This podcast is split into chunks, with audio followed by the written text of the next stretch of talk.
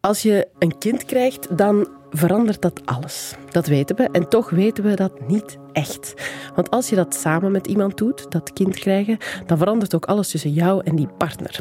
Plots zijn er 950 praktische afspraken per dag te maken en erger je je wel aan vergeten afspraken en uh, rondslingerende sokken, dat soort dingen. En daar zijn we niet op voorbereid. Tenzij je misschien nu al het nieuwe boek Liefde in de tropenjaren hebt gelezen. Want daarmee schreef Katrien Kolen een gids die helpt bij het navigeren van net al die moeilijkheden. En daarover gaat het in deze voorproevers. En ik, Annelies Moons, ben blij dat je luistert. Voorproevers. Dag uh, Katrien Kolen. Dag Annelies. Hallo, hallo. Jij bent uh, psycholoog en relatietherapeut. Je maakt ook al een podcast over relaties uh, tussen ouders, jonge ouders. Ik omschreef jouw boek net uh, als een gids. En mm -hmm. dat is het ook. Hè. Je kan er echt concreet mee aan de slag. Maar wat het in de eerste plaats voor mij deed, was mij geruststellen dat ik oh, normaal ben. Oh, dat is heel fijn om te horen. Ja, want ja. dat is ook echt een groot stuk van jouw boek, hè? Ja, het is kei normaal, tuurlijk, dat je ja. elkaar soms verliest en je ergert aan die rondslingerende sokken en zo. En ik denk dat dat al een heel mooi effect van het boek kan zijn, van gewoon te voelen, oef, of zo. Ja. Ja, want de tropenjaren, dat is een woord uh, dat misschien niet iedereen kent. Wat versta jij onder de tropenjaren? Ja, veel denken dan zo aan een leeftijdsrange of zo, hè, van de kinderen. Van waar tussen valt dat dan precies? En Google zegt dan zoiets tot de kinderen 4, 5 jaar zijn. Maar hoe meer ik daarover nadenk en die vraag krijg, dat ik denk, eigenlijk gaat dat niet per se over een leeftijd, zowel niet van de ouders als van de kinderen, maar over ja, een gevoel van overspoeld te zijn. En zo het idee van, je wandelt het ouderschap in, hand in hand, mooi in het park, en gaandeweg komen er stormen en begint je, ja, voelde zo dat die hand van je partner er toch een beetje ontglipt, zo. Mm -hmm. um, dat gevoel. Ja. Ja, ja, en dat kan op eender welke leeftijd van, van die kinderen en van ja. jou. Het, het, jouw verhaal is ook een, een stuk van het boek. Je vertelt ook uit je eigen leven. Dat is ook waar het boek mee begint. Met uh, jij uh, die ligt te scrollen op je telefoon. Waar was je naar op zoek? Um, naar, een, naar een appartement voor mijn partner, niet voor mij. Hij moest weg. Uh, ja, en dat was best confronterend eigenlijk. Ik denk dat ik op dat moment besefte ik dat zo niet echt van, wacht, wow. Uh, ik lig hier met een pasgeboren baby naast mij, die aan het drinken is. Mijn partner is beneden. En we hebben net heel... Ja, we hebben net een heel belangrijke beslissing in ons leven gemaakt om voor elkaar te kiezen en dit kind samen op de wereld te brengen. En toch ben ik hem ben ik hem een appartement aan het zoeken. Wacht even, wat, wat is er hier eigenlijk gebeurd? Ja. En dan uh, helpt mijn therapeutenhoofd mij heel erg om dat als mens wel te verstaan, mezelf te verstaan en onze relatie te verstaan. Van, wat, wat is er eigenlijk aan de hand? Ja, en om niet te panikeren, want het is dus normaal. Want hoe komt dat nu dat relaties in die periode zo moeilijk zijn? Ja, ik vind dat een hele goede vraag. Um, er gebeurt veel, denk ik. Er gebeurt heel veel.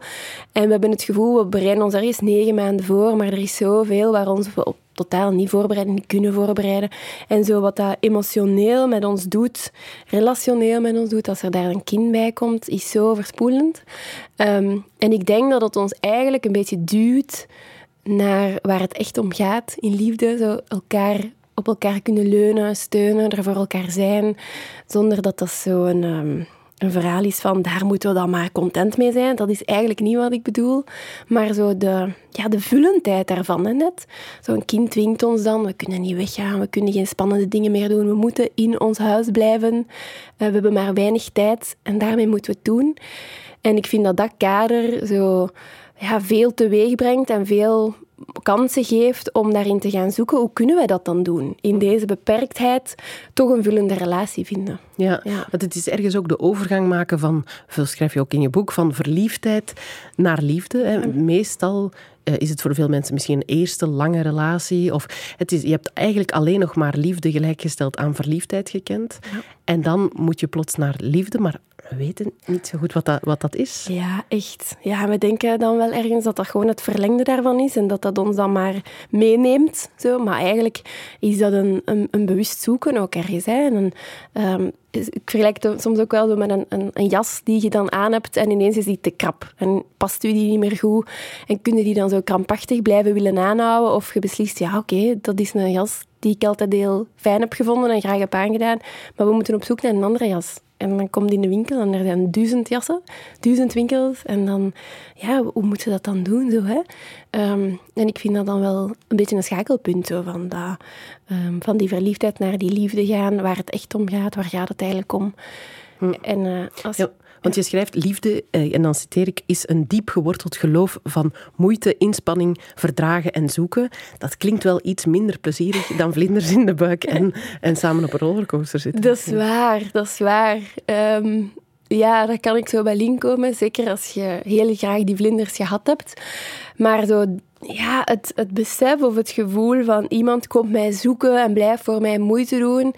Ook beseffende in een leven waarin dat we misschien 40, 50 jaar samen zijn. Hè? Dat is mm. kei lang. Ook in een maatschappij waarin liefde misschien tien vraagtekens naar staan. Wat is dat nu eigenlijk in deze snelle maatschappij? Um, is dat eigenlijk ja, wel iets, kan dat wel iets heel schoon zijn. Zo. Maar je voelt dat ook vaak pas als je daar natuurlijk ergens bent. Dat is wel het, het, het moeilijke soms. Ja. ja, en je zegt in, in deze tijd is dat... Uh, dat is ook allemaal nog redelijk recent. En nu, die relatie die, die we langdurig hebben, ze is langer, want we leven langer. Maar er zijn nog wel wat verschillen, schrijf je in je boek. Um, ja, we, we, leven langer. We hebben ook meer verwachtingen. We, dat is zo'n beetje een klassiek idee. Ik denk dat Esther Perel dat ook zo wel een beetje aan, aanstreept. Van, uh, we verwachten heel veel. Uh, we zijn heel erg op onszelf. Dirk de Wachter heeft het ook onlangs nog gezegd. De ikkigheid zo. En, en hoe moet ik dan dit leven aangaan? Um, en hoe dat we dat dan samen doen, zonder echt een goed voorbeeld te hebben, ja, dat is gewoon best moeilijk. Dus natuurlijk trappelen wij ter plaatse en kijken we naar elkaar van, ik weet het eigenlijk helemaal niet. Ik weet niet eens waar we naartoe moeten. Zo, ja. Ja, ja, waar het vroeger uh, was trouwen, uh, had heel andere functies dan nu. Wij, nu, als er al getrouwd wordt of echt beslist wordt van wij gaan nu samen een leven delen, mm -hmm. dan doen we dat met heel andere, een heel andere insteek dan vroeger. Want vroeger, waarom werd er getrouwd? Ja, het was een beetje een overeenkomst. Hè, van zo kunnen wij samen het leven... Uh, ja, voor een vrouw was dat vaak het toegangsticket tot een zelfstandiger leven. Dan mocht ze weggaan. Ik ben nu geen geschiedkundige, dus ik weet nu niet tot in de details. Um, maar ik vind dat zo wel een belangrijk idee. Van, ja, hoe is tot nu toe eigenlijk altijd geweest? En die vrouw die dan... Um, ja, een, een toegangsticket kreeg naar een zelfstandig leven. Um, maar nu is het zo een surplus eigenlijk. Hè? Zo, trouwen is een surplus, het moet niet echt meer. Wat is de waarde er dan zo nog van en waarom doen we het dan eigenlijk nog wel? Uh, maar ook die relatie is eigenlijk bijna een surplus. Hè? We kunnen als op 16 al bijna zelfstandig gaan wonen, op kot gaan. En dus het, het, ja, het heeft een heel andere betekenis gekregen en een heel ander doel zo bijna. En hoe moeten we dat dan invullen? Dus dat, dat zijn eigenlijk wel heel belangrijke reële vragen um, die wel mee doorcijpelen in hoe wij vandaag aan de keukentafel met elkaar zitten of in de zetel zitten, zonder dat we dat altijd goed en wel beseffen natuurlijk. Hè. Maar mm. dat hangt wel boven onze hoofd wel, heel de tijd. Ja, want we, we zoeken naar een soulmate. En we hebben al die romantische films uh, en Disneyfilms uh, gezien waarschijnlijk. En we verwachten... Je hebt zo'n lijstje in je boek van... ze moeten ons begrijpen met één blik en aanvullen en weten wat je wil. En um, als ik dat zo op een rijtje zag staan, dan dacht ik... Ja, dat verwacht ik inderdaad wel ja. allemaal. En het is wel heel, heel veel ja. dat we van elkaar verwachten. Hè?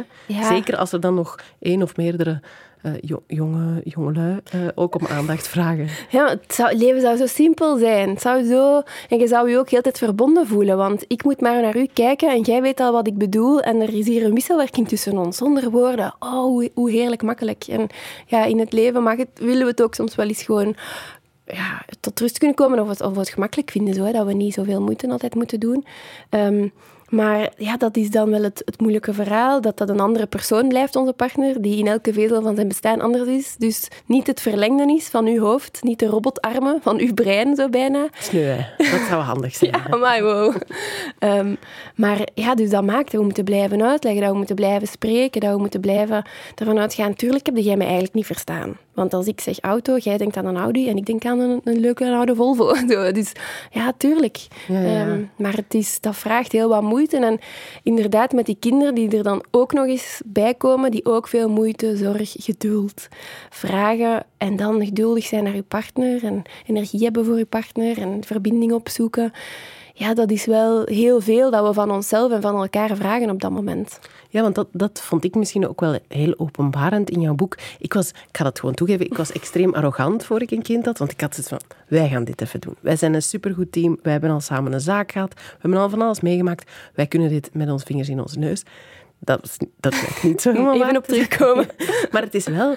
Dat verschil is zo groot. Dat. Gewoon dat je... eh, je weet wel dat dat ingrijpend is, zo'n kind. Maar het is...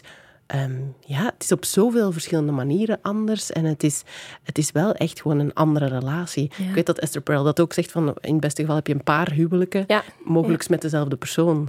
Eh, dat het gewoon... Ja, het is gewoon echt, echt anders. Ja, het raakt je zo in een laag die je niet wist dat er bestond. Hè? Zo in een zijn van jezelf en ook bij je partner.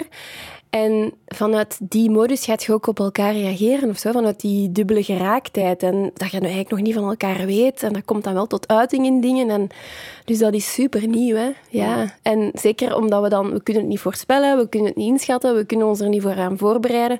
Dus we moeten het ook ergens zo maar ehm, ja, laten gebeuren. En geen houvast hebben. En dat is misschien ook nog het moeilijkste. Ja, en leren terwijl de meest heftige Ja. gebeurtenis uit je leven waarschijnlijk gebeurt. Je zei al, ja, je hebt geen tijd meer, je bent moe.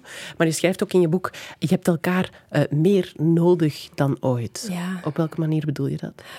Ja, als ik... Er is een kind dat moet, waarvoor gezorgd moet worden en dat zorg vraagt. Ehm, en dat kun je niet gewoon in de zetel zetten en zeggen, jij kunt wel je eigen eten maken. Dus het kind moet de hele tijd doorgegeven worden op een bepaalde manier en zorg krijgen van één van de ouders. Ehm, dus dat maakt dat je voor de simpelste dingen, ik moet even naar de wc en ik heb mijn dochter was, ik moet mijn kind aan mijn partner kunnen geven. En als die dan even iets aan het doen is en zegt, nee, wacht eventjes, ik kan niet eens naar het toilet gaan dan. Dus dat is een heel bazaal iets dat voor het leven met kinderen, ja, ik stond recht en ik ging naar het toilet. Je moet aan niemand iets vragen van een basale nood van jezelf. Dus dat maakt u heel afhankelijk van elkaar. En ook dat is best wel moeilijk in een tijd waarin dat we zo erg onafhankelijk gemaakt worden, voor onze eigen keuzes gaan en wat wil ik en wie ben ik. En, ehm, en dan moeten we ons ineens overgeven aan die anderen, terwijl we zo hard gewerkt hebben aan onze afhank- onafhankelijkheid. Dus dat is wel, eh, ja, dat is best confronterend, denk ik. En zeker als je dan ehm, opgegroeid bent als een plantrekker, dat haakt daar dan nog eens extra aan in, denk ik. En dan is het soms heel moeilijk om toe te laten om die hulp te vragen. ehm, of gewoon al de hulpen, hulpvragende te zijn. Zo, hè. Dus, en dat is zo een van de basale dingen. Zo. Je hebt elkaar zo erg nodig. Los van die slaap en die vermoeidheid moet je terugvallen op iets heel fundamenteels. Elkaar er zijn voor elkaar. Op een manier dat je eigenlijk nog niet gedaan hebt. Ehm, en dat is kei moeilijk om dat te doen, omdat dat in je zijn zo... Ja, dat is zoiets wezenlijk belangrijk. Zo. Ja. Het is moeilijk, dat hebben we nu eh, duidelijk. Het is moeilijk en eh, het is normaal. Eh, maar, maar wat doe je dan? Mensen komen bij jou in relatietherapie, Mhm. die willen hun relatie terug, denk ik dan. Ja, ja, die willen terug iets voelen, zo denk ik. Soms is dat ook helpen ons beter te communiceren. Ehm, maar die willen ja, elkaar terug wat meer vast hebben, denk ik. Of dat maak ik er dan zo van, hè, dat hun vraag is van help mij mijn partner wat terug te vinden, want ik ben hem kwijt. Ja. Zo, ja. Maar hoe begin je daar dan aan? Ja, ik denk dat wat, wat koppels dan al doen als ze bij mij komen, is die ruimte maken gewoon. Hè. Dat is geen date night, hè, maar dat is wel... Ah, wij plannen iets in onze agenda, wij, gaan daar, wij worden daar verwacht, wij gaan daar samen naartoe, wij vinden dat samen kei spannend. Wij denken, is het eigenlijk wel erg genoeg om al naar hier te komen? Maar dat is een belevenis die je samen beleeft, dat heel bijzonder is. Ehm, dat al aan zich, denk ik, dat een heel groot deel van die therapie is. Want, het is, want daar kom je heel vaak op terug in je boek, moeite doen. Ja, Dat is, Ja. dat is heel, een heel groot stuk van wat je eigenlijk moet doen om er beterschap in te vinden. Ja, en, en, en, en die moeite schuilt voor mij. Ze zeggen dan, ja, werken aan je relatie. Maar ik vind, ja, dat klinkt zo niet echt iets stof of iets, iets dat je denkt, ah ja, dat gaan we nu eens doen. Zo. Om een Maar, Excel invullen over ja, wat voilà, jij leuk vindt. werken, en- zo, ja. werkendag. Ja, nee. Eh, waar het dan voor mij over gaat, is elkaar gaan zoeken. En, en dat idee, elkaar zoeken, je moet daar ook... Ik denk dan altijd zo aan verstoppertje spelen. Iets dat de kinderen dan ook heel graag doen. Dat blijft altijd goed. Zelfs als je 80 bent, dat goed. Allee. Ehm, en, maar je, hebt, je zit er wel voor twee... Je moet daar met twee voor zijn. Er is een zoeker. Soms zijn de- degene die gaat zoeken, soms zijn degene die gaat verstoppen. Maar er is ook iemand die zich verstopt en die gevonden wilt worden. Want als diegene zich te goed verstopt, is het ook niet meer leuk. Dus er is een dynamiek van... Ah, ik ga je zoeken, jij bent, zoek, jij bent vindbaar. En dan draaien we het ook een keer om. En het mag ook niet te lang duren voordat ik je vind, want dan begin ik te denken, wilde jij wel nog gevonden worden? Of zei jij het gewoon afgebold en zei jij eigenlijk niet meer vindbaar? En ik denk in een relatie, in de tropenjaren, zo het idee van ik ga je komen zoeken. ehm, en dat kan in heel veel schuilen. Hè? Ja, want wat, Ja. wat wil dat dan concreet zeggen? Ja, ik... eh, niet meer tijd maken of zo. Of niet zeggen, el- elke dag moeten wij een uur samen in de zetel zitten en iets leuk doen. Nee, ik passeer u en ik kom u even zoeken. Ik raak u even aan. Ik kijk u in de ogen. Ik zeg, hé hey, schat, je bent hier ook, juist. Ik zou het bijna vergeten soms. Allee, heel stomme dingen, maar zo het idee van, jij zijt hier en soms kom ik u even zoeken en soms is dat gewoon naar u kijken. Soms is dat ook naar boven gaan, als ik weet dat jij boven zit. En daar komen zeggen, ah, wat zijn jij aan het doen? En niet een berichtje sturen van het eten is klaar. Bijvoorbeeld ook. Hè, maar eh, ik kom u zoeken en jij bent vindbaar. En jij zegt, hé, hey, tof, tof dat je mij komt zoeken. Want ja, ik was hier inderdaad een beetje verstopt of zo. Ja. Ehm, en dat gevoel van iemand komt mij zoeken is ook een fantastisch gevoel. Hè, zo. Dus dat is voor mij waar het dan zo wat over gaat. Ja, en in de tropenjaren, maar ook die jaren allemaal daarna. Hè. Zelfs als, als 80-jarige, hoe vinden we elkaar dan? Hè? Als wij lichamelijk niet meer mee kunnen. En, maar dat is een ander boek.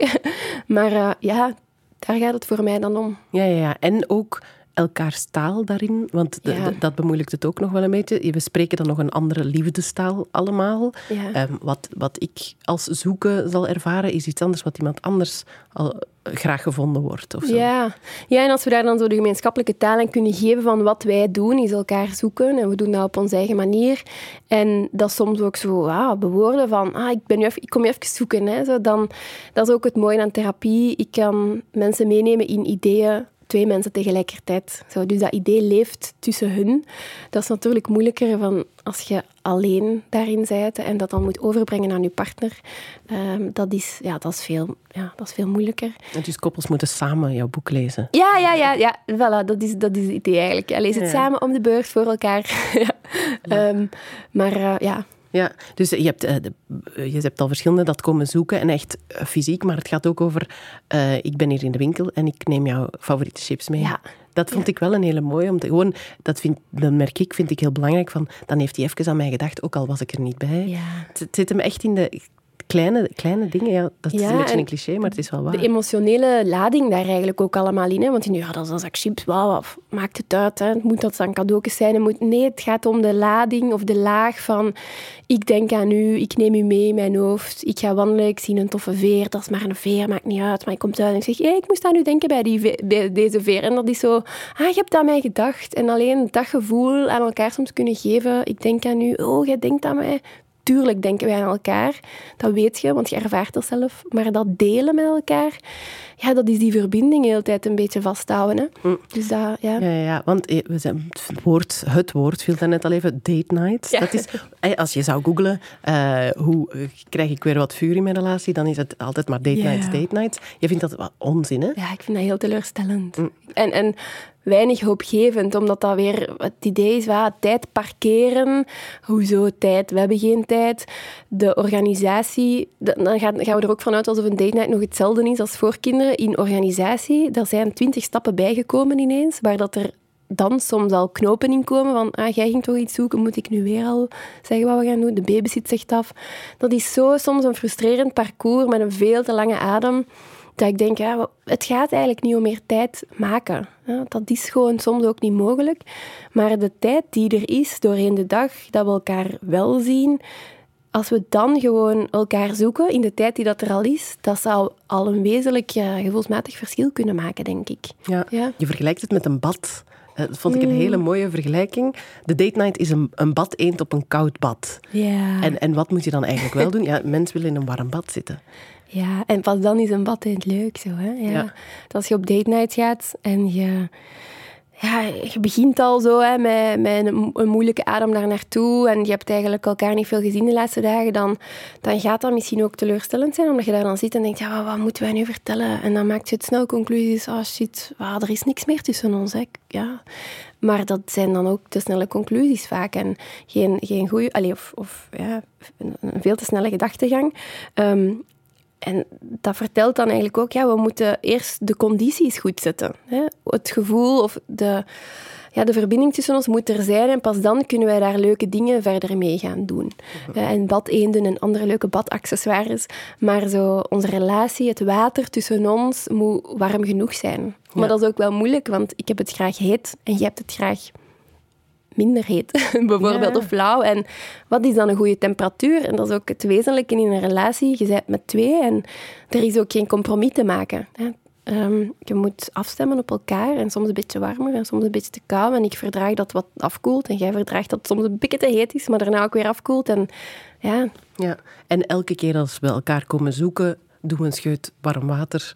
precies. Ja, mooi. Ja, Ja, dat is eigenlijk het idee. hè? ja mooi. Ik zit echt graag in bad. Ik, ik, ik voel deze, deze Klopt, ja, een bad, yes. Ehm, eh, wat ik ook een hele mooie vond i- in jouw boek is eh, de guncultuur. Wat, wat bedoel je daarmee?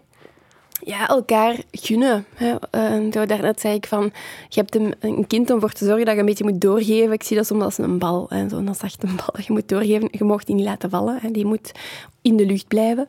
Ehm, en ehm, de guncultuur ja, maakt dan dat je soms ook de bal vasthoudt, zodat een andere iets kan doen dat hij wil doen of nodig heeft om te doen. En dat je elkaar gunt wat je eigenlijk zelf keihard nodig hebt. Uitslapen of eh, wat extra tijd om wat bij te werken of in bad te gaan. Ehm, maar dat je, ja, als je elkaar dat gunt, dan komt dat ook wel weer terug. Want dat is opnieuw een beetje het, het water wat warmer houden. En dan zeggen, ik, ja, ik geef om u en ik vind het belangrijk dat je kunt uitslapen. Ook al heb ik dat zelf keihard nodig. Ehm, dus dat is, eh, ja. En, en dat is wel een, ook weer een bewuste zo, hè. Ja, want de, je eerste, of als je heel moe bent en je, je eerste eh, impuls is bijna, "Ah, ik, ik wil eens uitslapen. Ja. Laat- kan je mij nu eens, waarom zie je niet dat ik wil uitslapen, terwijl jij het omdraait en zegt, ik ga jou laten uitslapen. En dan hopelijk komt het dan ook een keer terug wel. Ja, want wij installeren dan, wij laten elkaar uitslapen. Of hé, hey, ik kan u dat geven. En ja, alleen al het idee dat uw partner tegen u zou zeggen, zomaar verrassend op een zondag, blijf jij nog maar eens een uur liggen. De liefde die je daarvan voelt, omdat je natuurlijk allebei weet, we hebben het allebei nodig. Maar dat jij me dan nu zo geeft, dat is zo verwarmend, dat is zo vullend, dat je ook makkelijker dat zelf gaat doen. Van, hé, wij doen dat dan blijkbaar. Elkaar iets gunnen dat we eigenlijk zelf ook hard nodig hebben. En dat creëert zo wel eh, ja, wisselwerking, denk ik. Ja, ja, ja. En warmer water. Want eh, een groot stuk van jouw boek gaat ook over seks. Want dat Ja. lijkt mij ook... Ja, dat is ook iets wat... Zie je dat dan als een, een gevolg van een koud bad ook? Dat het daar niet? Ehm, nee, niet per se, denk ik. Ehm, een gevolg van seks dat functioneel geworden is. Al vaak veel langer dan dat we dat zelf beseffen. Ehm, want koppels komen bij mij en dan zo na drie, vier sessies. Zeg, zijn nooit komen bij mij met seksueel of seksualiteit is zo wel iets dat we niet zo goed vinden bij elkaar nu. Ehm, maar na een aantal sessies, ja, we moeten toch nog iets zeggen. Dat is ook wel. Hè. Dus dat is mooi dat ze dat ook na een aantal sessies durven op tafel leggen. Ehm, maar ja, wat dat er dan vaak gebeurt is negen maanden of zelfs langer. Hè? Het moment dat je beslist samen, we gaan ervoor, of het zou niet erg zijn als er nu een kind komt, en je laat je bil achterwege, dan ehm, wordt seks super functioneel. Het gaat bijna niet meer dan hè, over plezier en leuk en aantrekking en ik heb nu gewoon goesting in u. Nee, dat is wij willen een kind, punt. Over de ijsprong is hier ergens ijsprong. in deze dagen. Ja, voilà. Dus dat is soms jaren, hè, dat seks heel functioneel blijft. En daarna blijft het vaak functioneel in de zin van omdat jij het wilt en omdat het dan maar moet, want we zijn een koppel. En het, het is, dus dat wordt super functioneel, dat plezier wordt daar zo'n beetje uitgetrokken. Ehm, maar tegelijkertijd is dat wel zo het enige dat ons onderscheidt van goede vrienden of een goede ja, of sibling, hè, broer en zus. Zo. Het feit dat wij seks hebben met elkaar zegt dat wij een koppel zijn. Maar dat is er niet meer of weinig. Oei, zo. Ja, of we zijn daar heel verschillend in. Ja. Dat en- is ook vaak het probleem. De ene wil wel veel, de andere niet. Ja. ja. En hoe, hoe moet je daar dan mee aan de slag? Dat is heel moeilijk. En dat is een van de meest ehm, moeilijke... allee, van de grootste verschillen tussen koppels, is het, het, het verschil in verlangen. Ehm, en ik denk dat dat dan... Ja, zo die, die komst van die kinderen daar zo weer een, ehm, een kans in geeft van wie ben ik eigenlijk seksueel? En dat verder trekken dan hier vandaag heb ik geen goesting en jij wel. Of andersom. Maar, ah, wacht... eh, Voel ik me eigenlijk soms seksueel? Mag dat bestaan in mezelf? Wat hindert mij eigenlijk? Er zijn zo vrouwen die zeggen, ja, ehm, ik wou me eigenlijk al, al lang ehm, laser ontharen daar beneden, maar ik heb dat nooit gedaan. En ik schaam me daar eigenlijk altijd wat voor. En als ik dan uit de douche kom, dan verberg ik mij ook snel. Dus het lichaam mocht weinig gezien worden, veel s- schaamte. En die heeft dat dan, na een aantal sessies, heeft hij dat laten doen. En die was zo blij en dat was echt een bevrijding zo. Dus soms is het ook iets oud dat dan ineens begint mee te spelen en dat, dat, dat er daar iets moet gebeuren om het terug wat in gang te krijgen. Ehm, maar ook weer gaan naar niet puur de driftsgewijze, verlangensgewijze manier van, van seks beleven met elkaar, maar uh, eigenlijk gaat dat ook over het zoeken van verbindingen en afstemmen. En die afstemming zijn wij kwijt sinds dat seks functioneel geworden is. Zijn we de afstemming in plezier en in hoe doen we dat, wat voelt er fijn voor ons, al jaren eigenlijk niet meer aan het zoeken. Mm en terug dat, ja, voor mij gaat het dan over opentrekken. Hè? Zo, ruimer maken en uh, een ander gesprek proberen hebben dan... Uh, ik heb daar ook vragenkaartjes voor. Ja. Met zo wat vragen. Want ja, dat is mo een moeilijk gesprek om, om zelf op gang te trekken. Mm. Als het al wat vast zit. Um, en dat helpt dan wel om zo wat neutrale vragen te krijgen van om dat open te trekken. Ja. ja. je beschrijft het ook als je gaspedaal en je rem uh, gaan zoeken. Ja. Uh, dat, de, er taal aan geven, zeker als het over seks gaat. Over relaties praten hebben we misschien niet geleerd, maar over seks praten nog, nog veel minder. Ja. En dus het cliché van de communicatie is superbelangrijk en is mm. alles, klopt dan wel een beetje. Ja, um, maar dat is ook een hele lange weg zo. Want veel, uh, ook weer op internet, advies is dan van, je moet er gewoon over spreken, trek het open. Hè. Ik zeg het ook net eigenlijk zelf een beetje, maar het besef van, dat is eigenlijk ook helemaal niet makkelijk. Hè. Voor iemand die daar weinig over gesproken heeft, is soms daar al over nadenken. De woorden die dat hij zou kunnen gebruiken, een grote stap. Laat staan, omdat dat nog eens luidop seksuele woorden, of, of vind ik leuk en zo, dat is echt geen evidentie. Hè.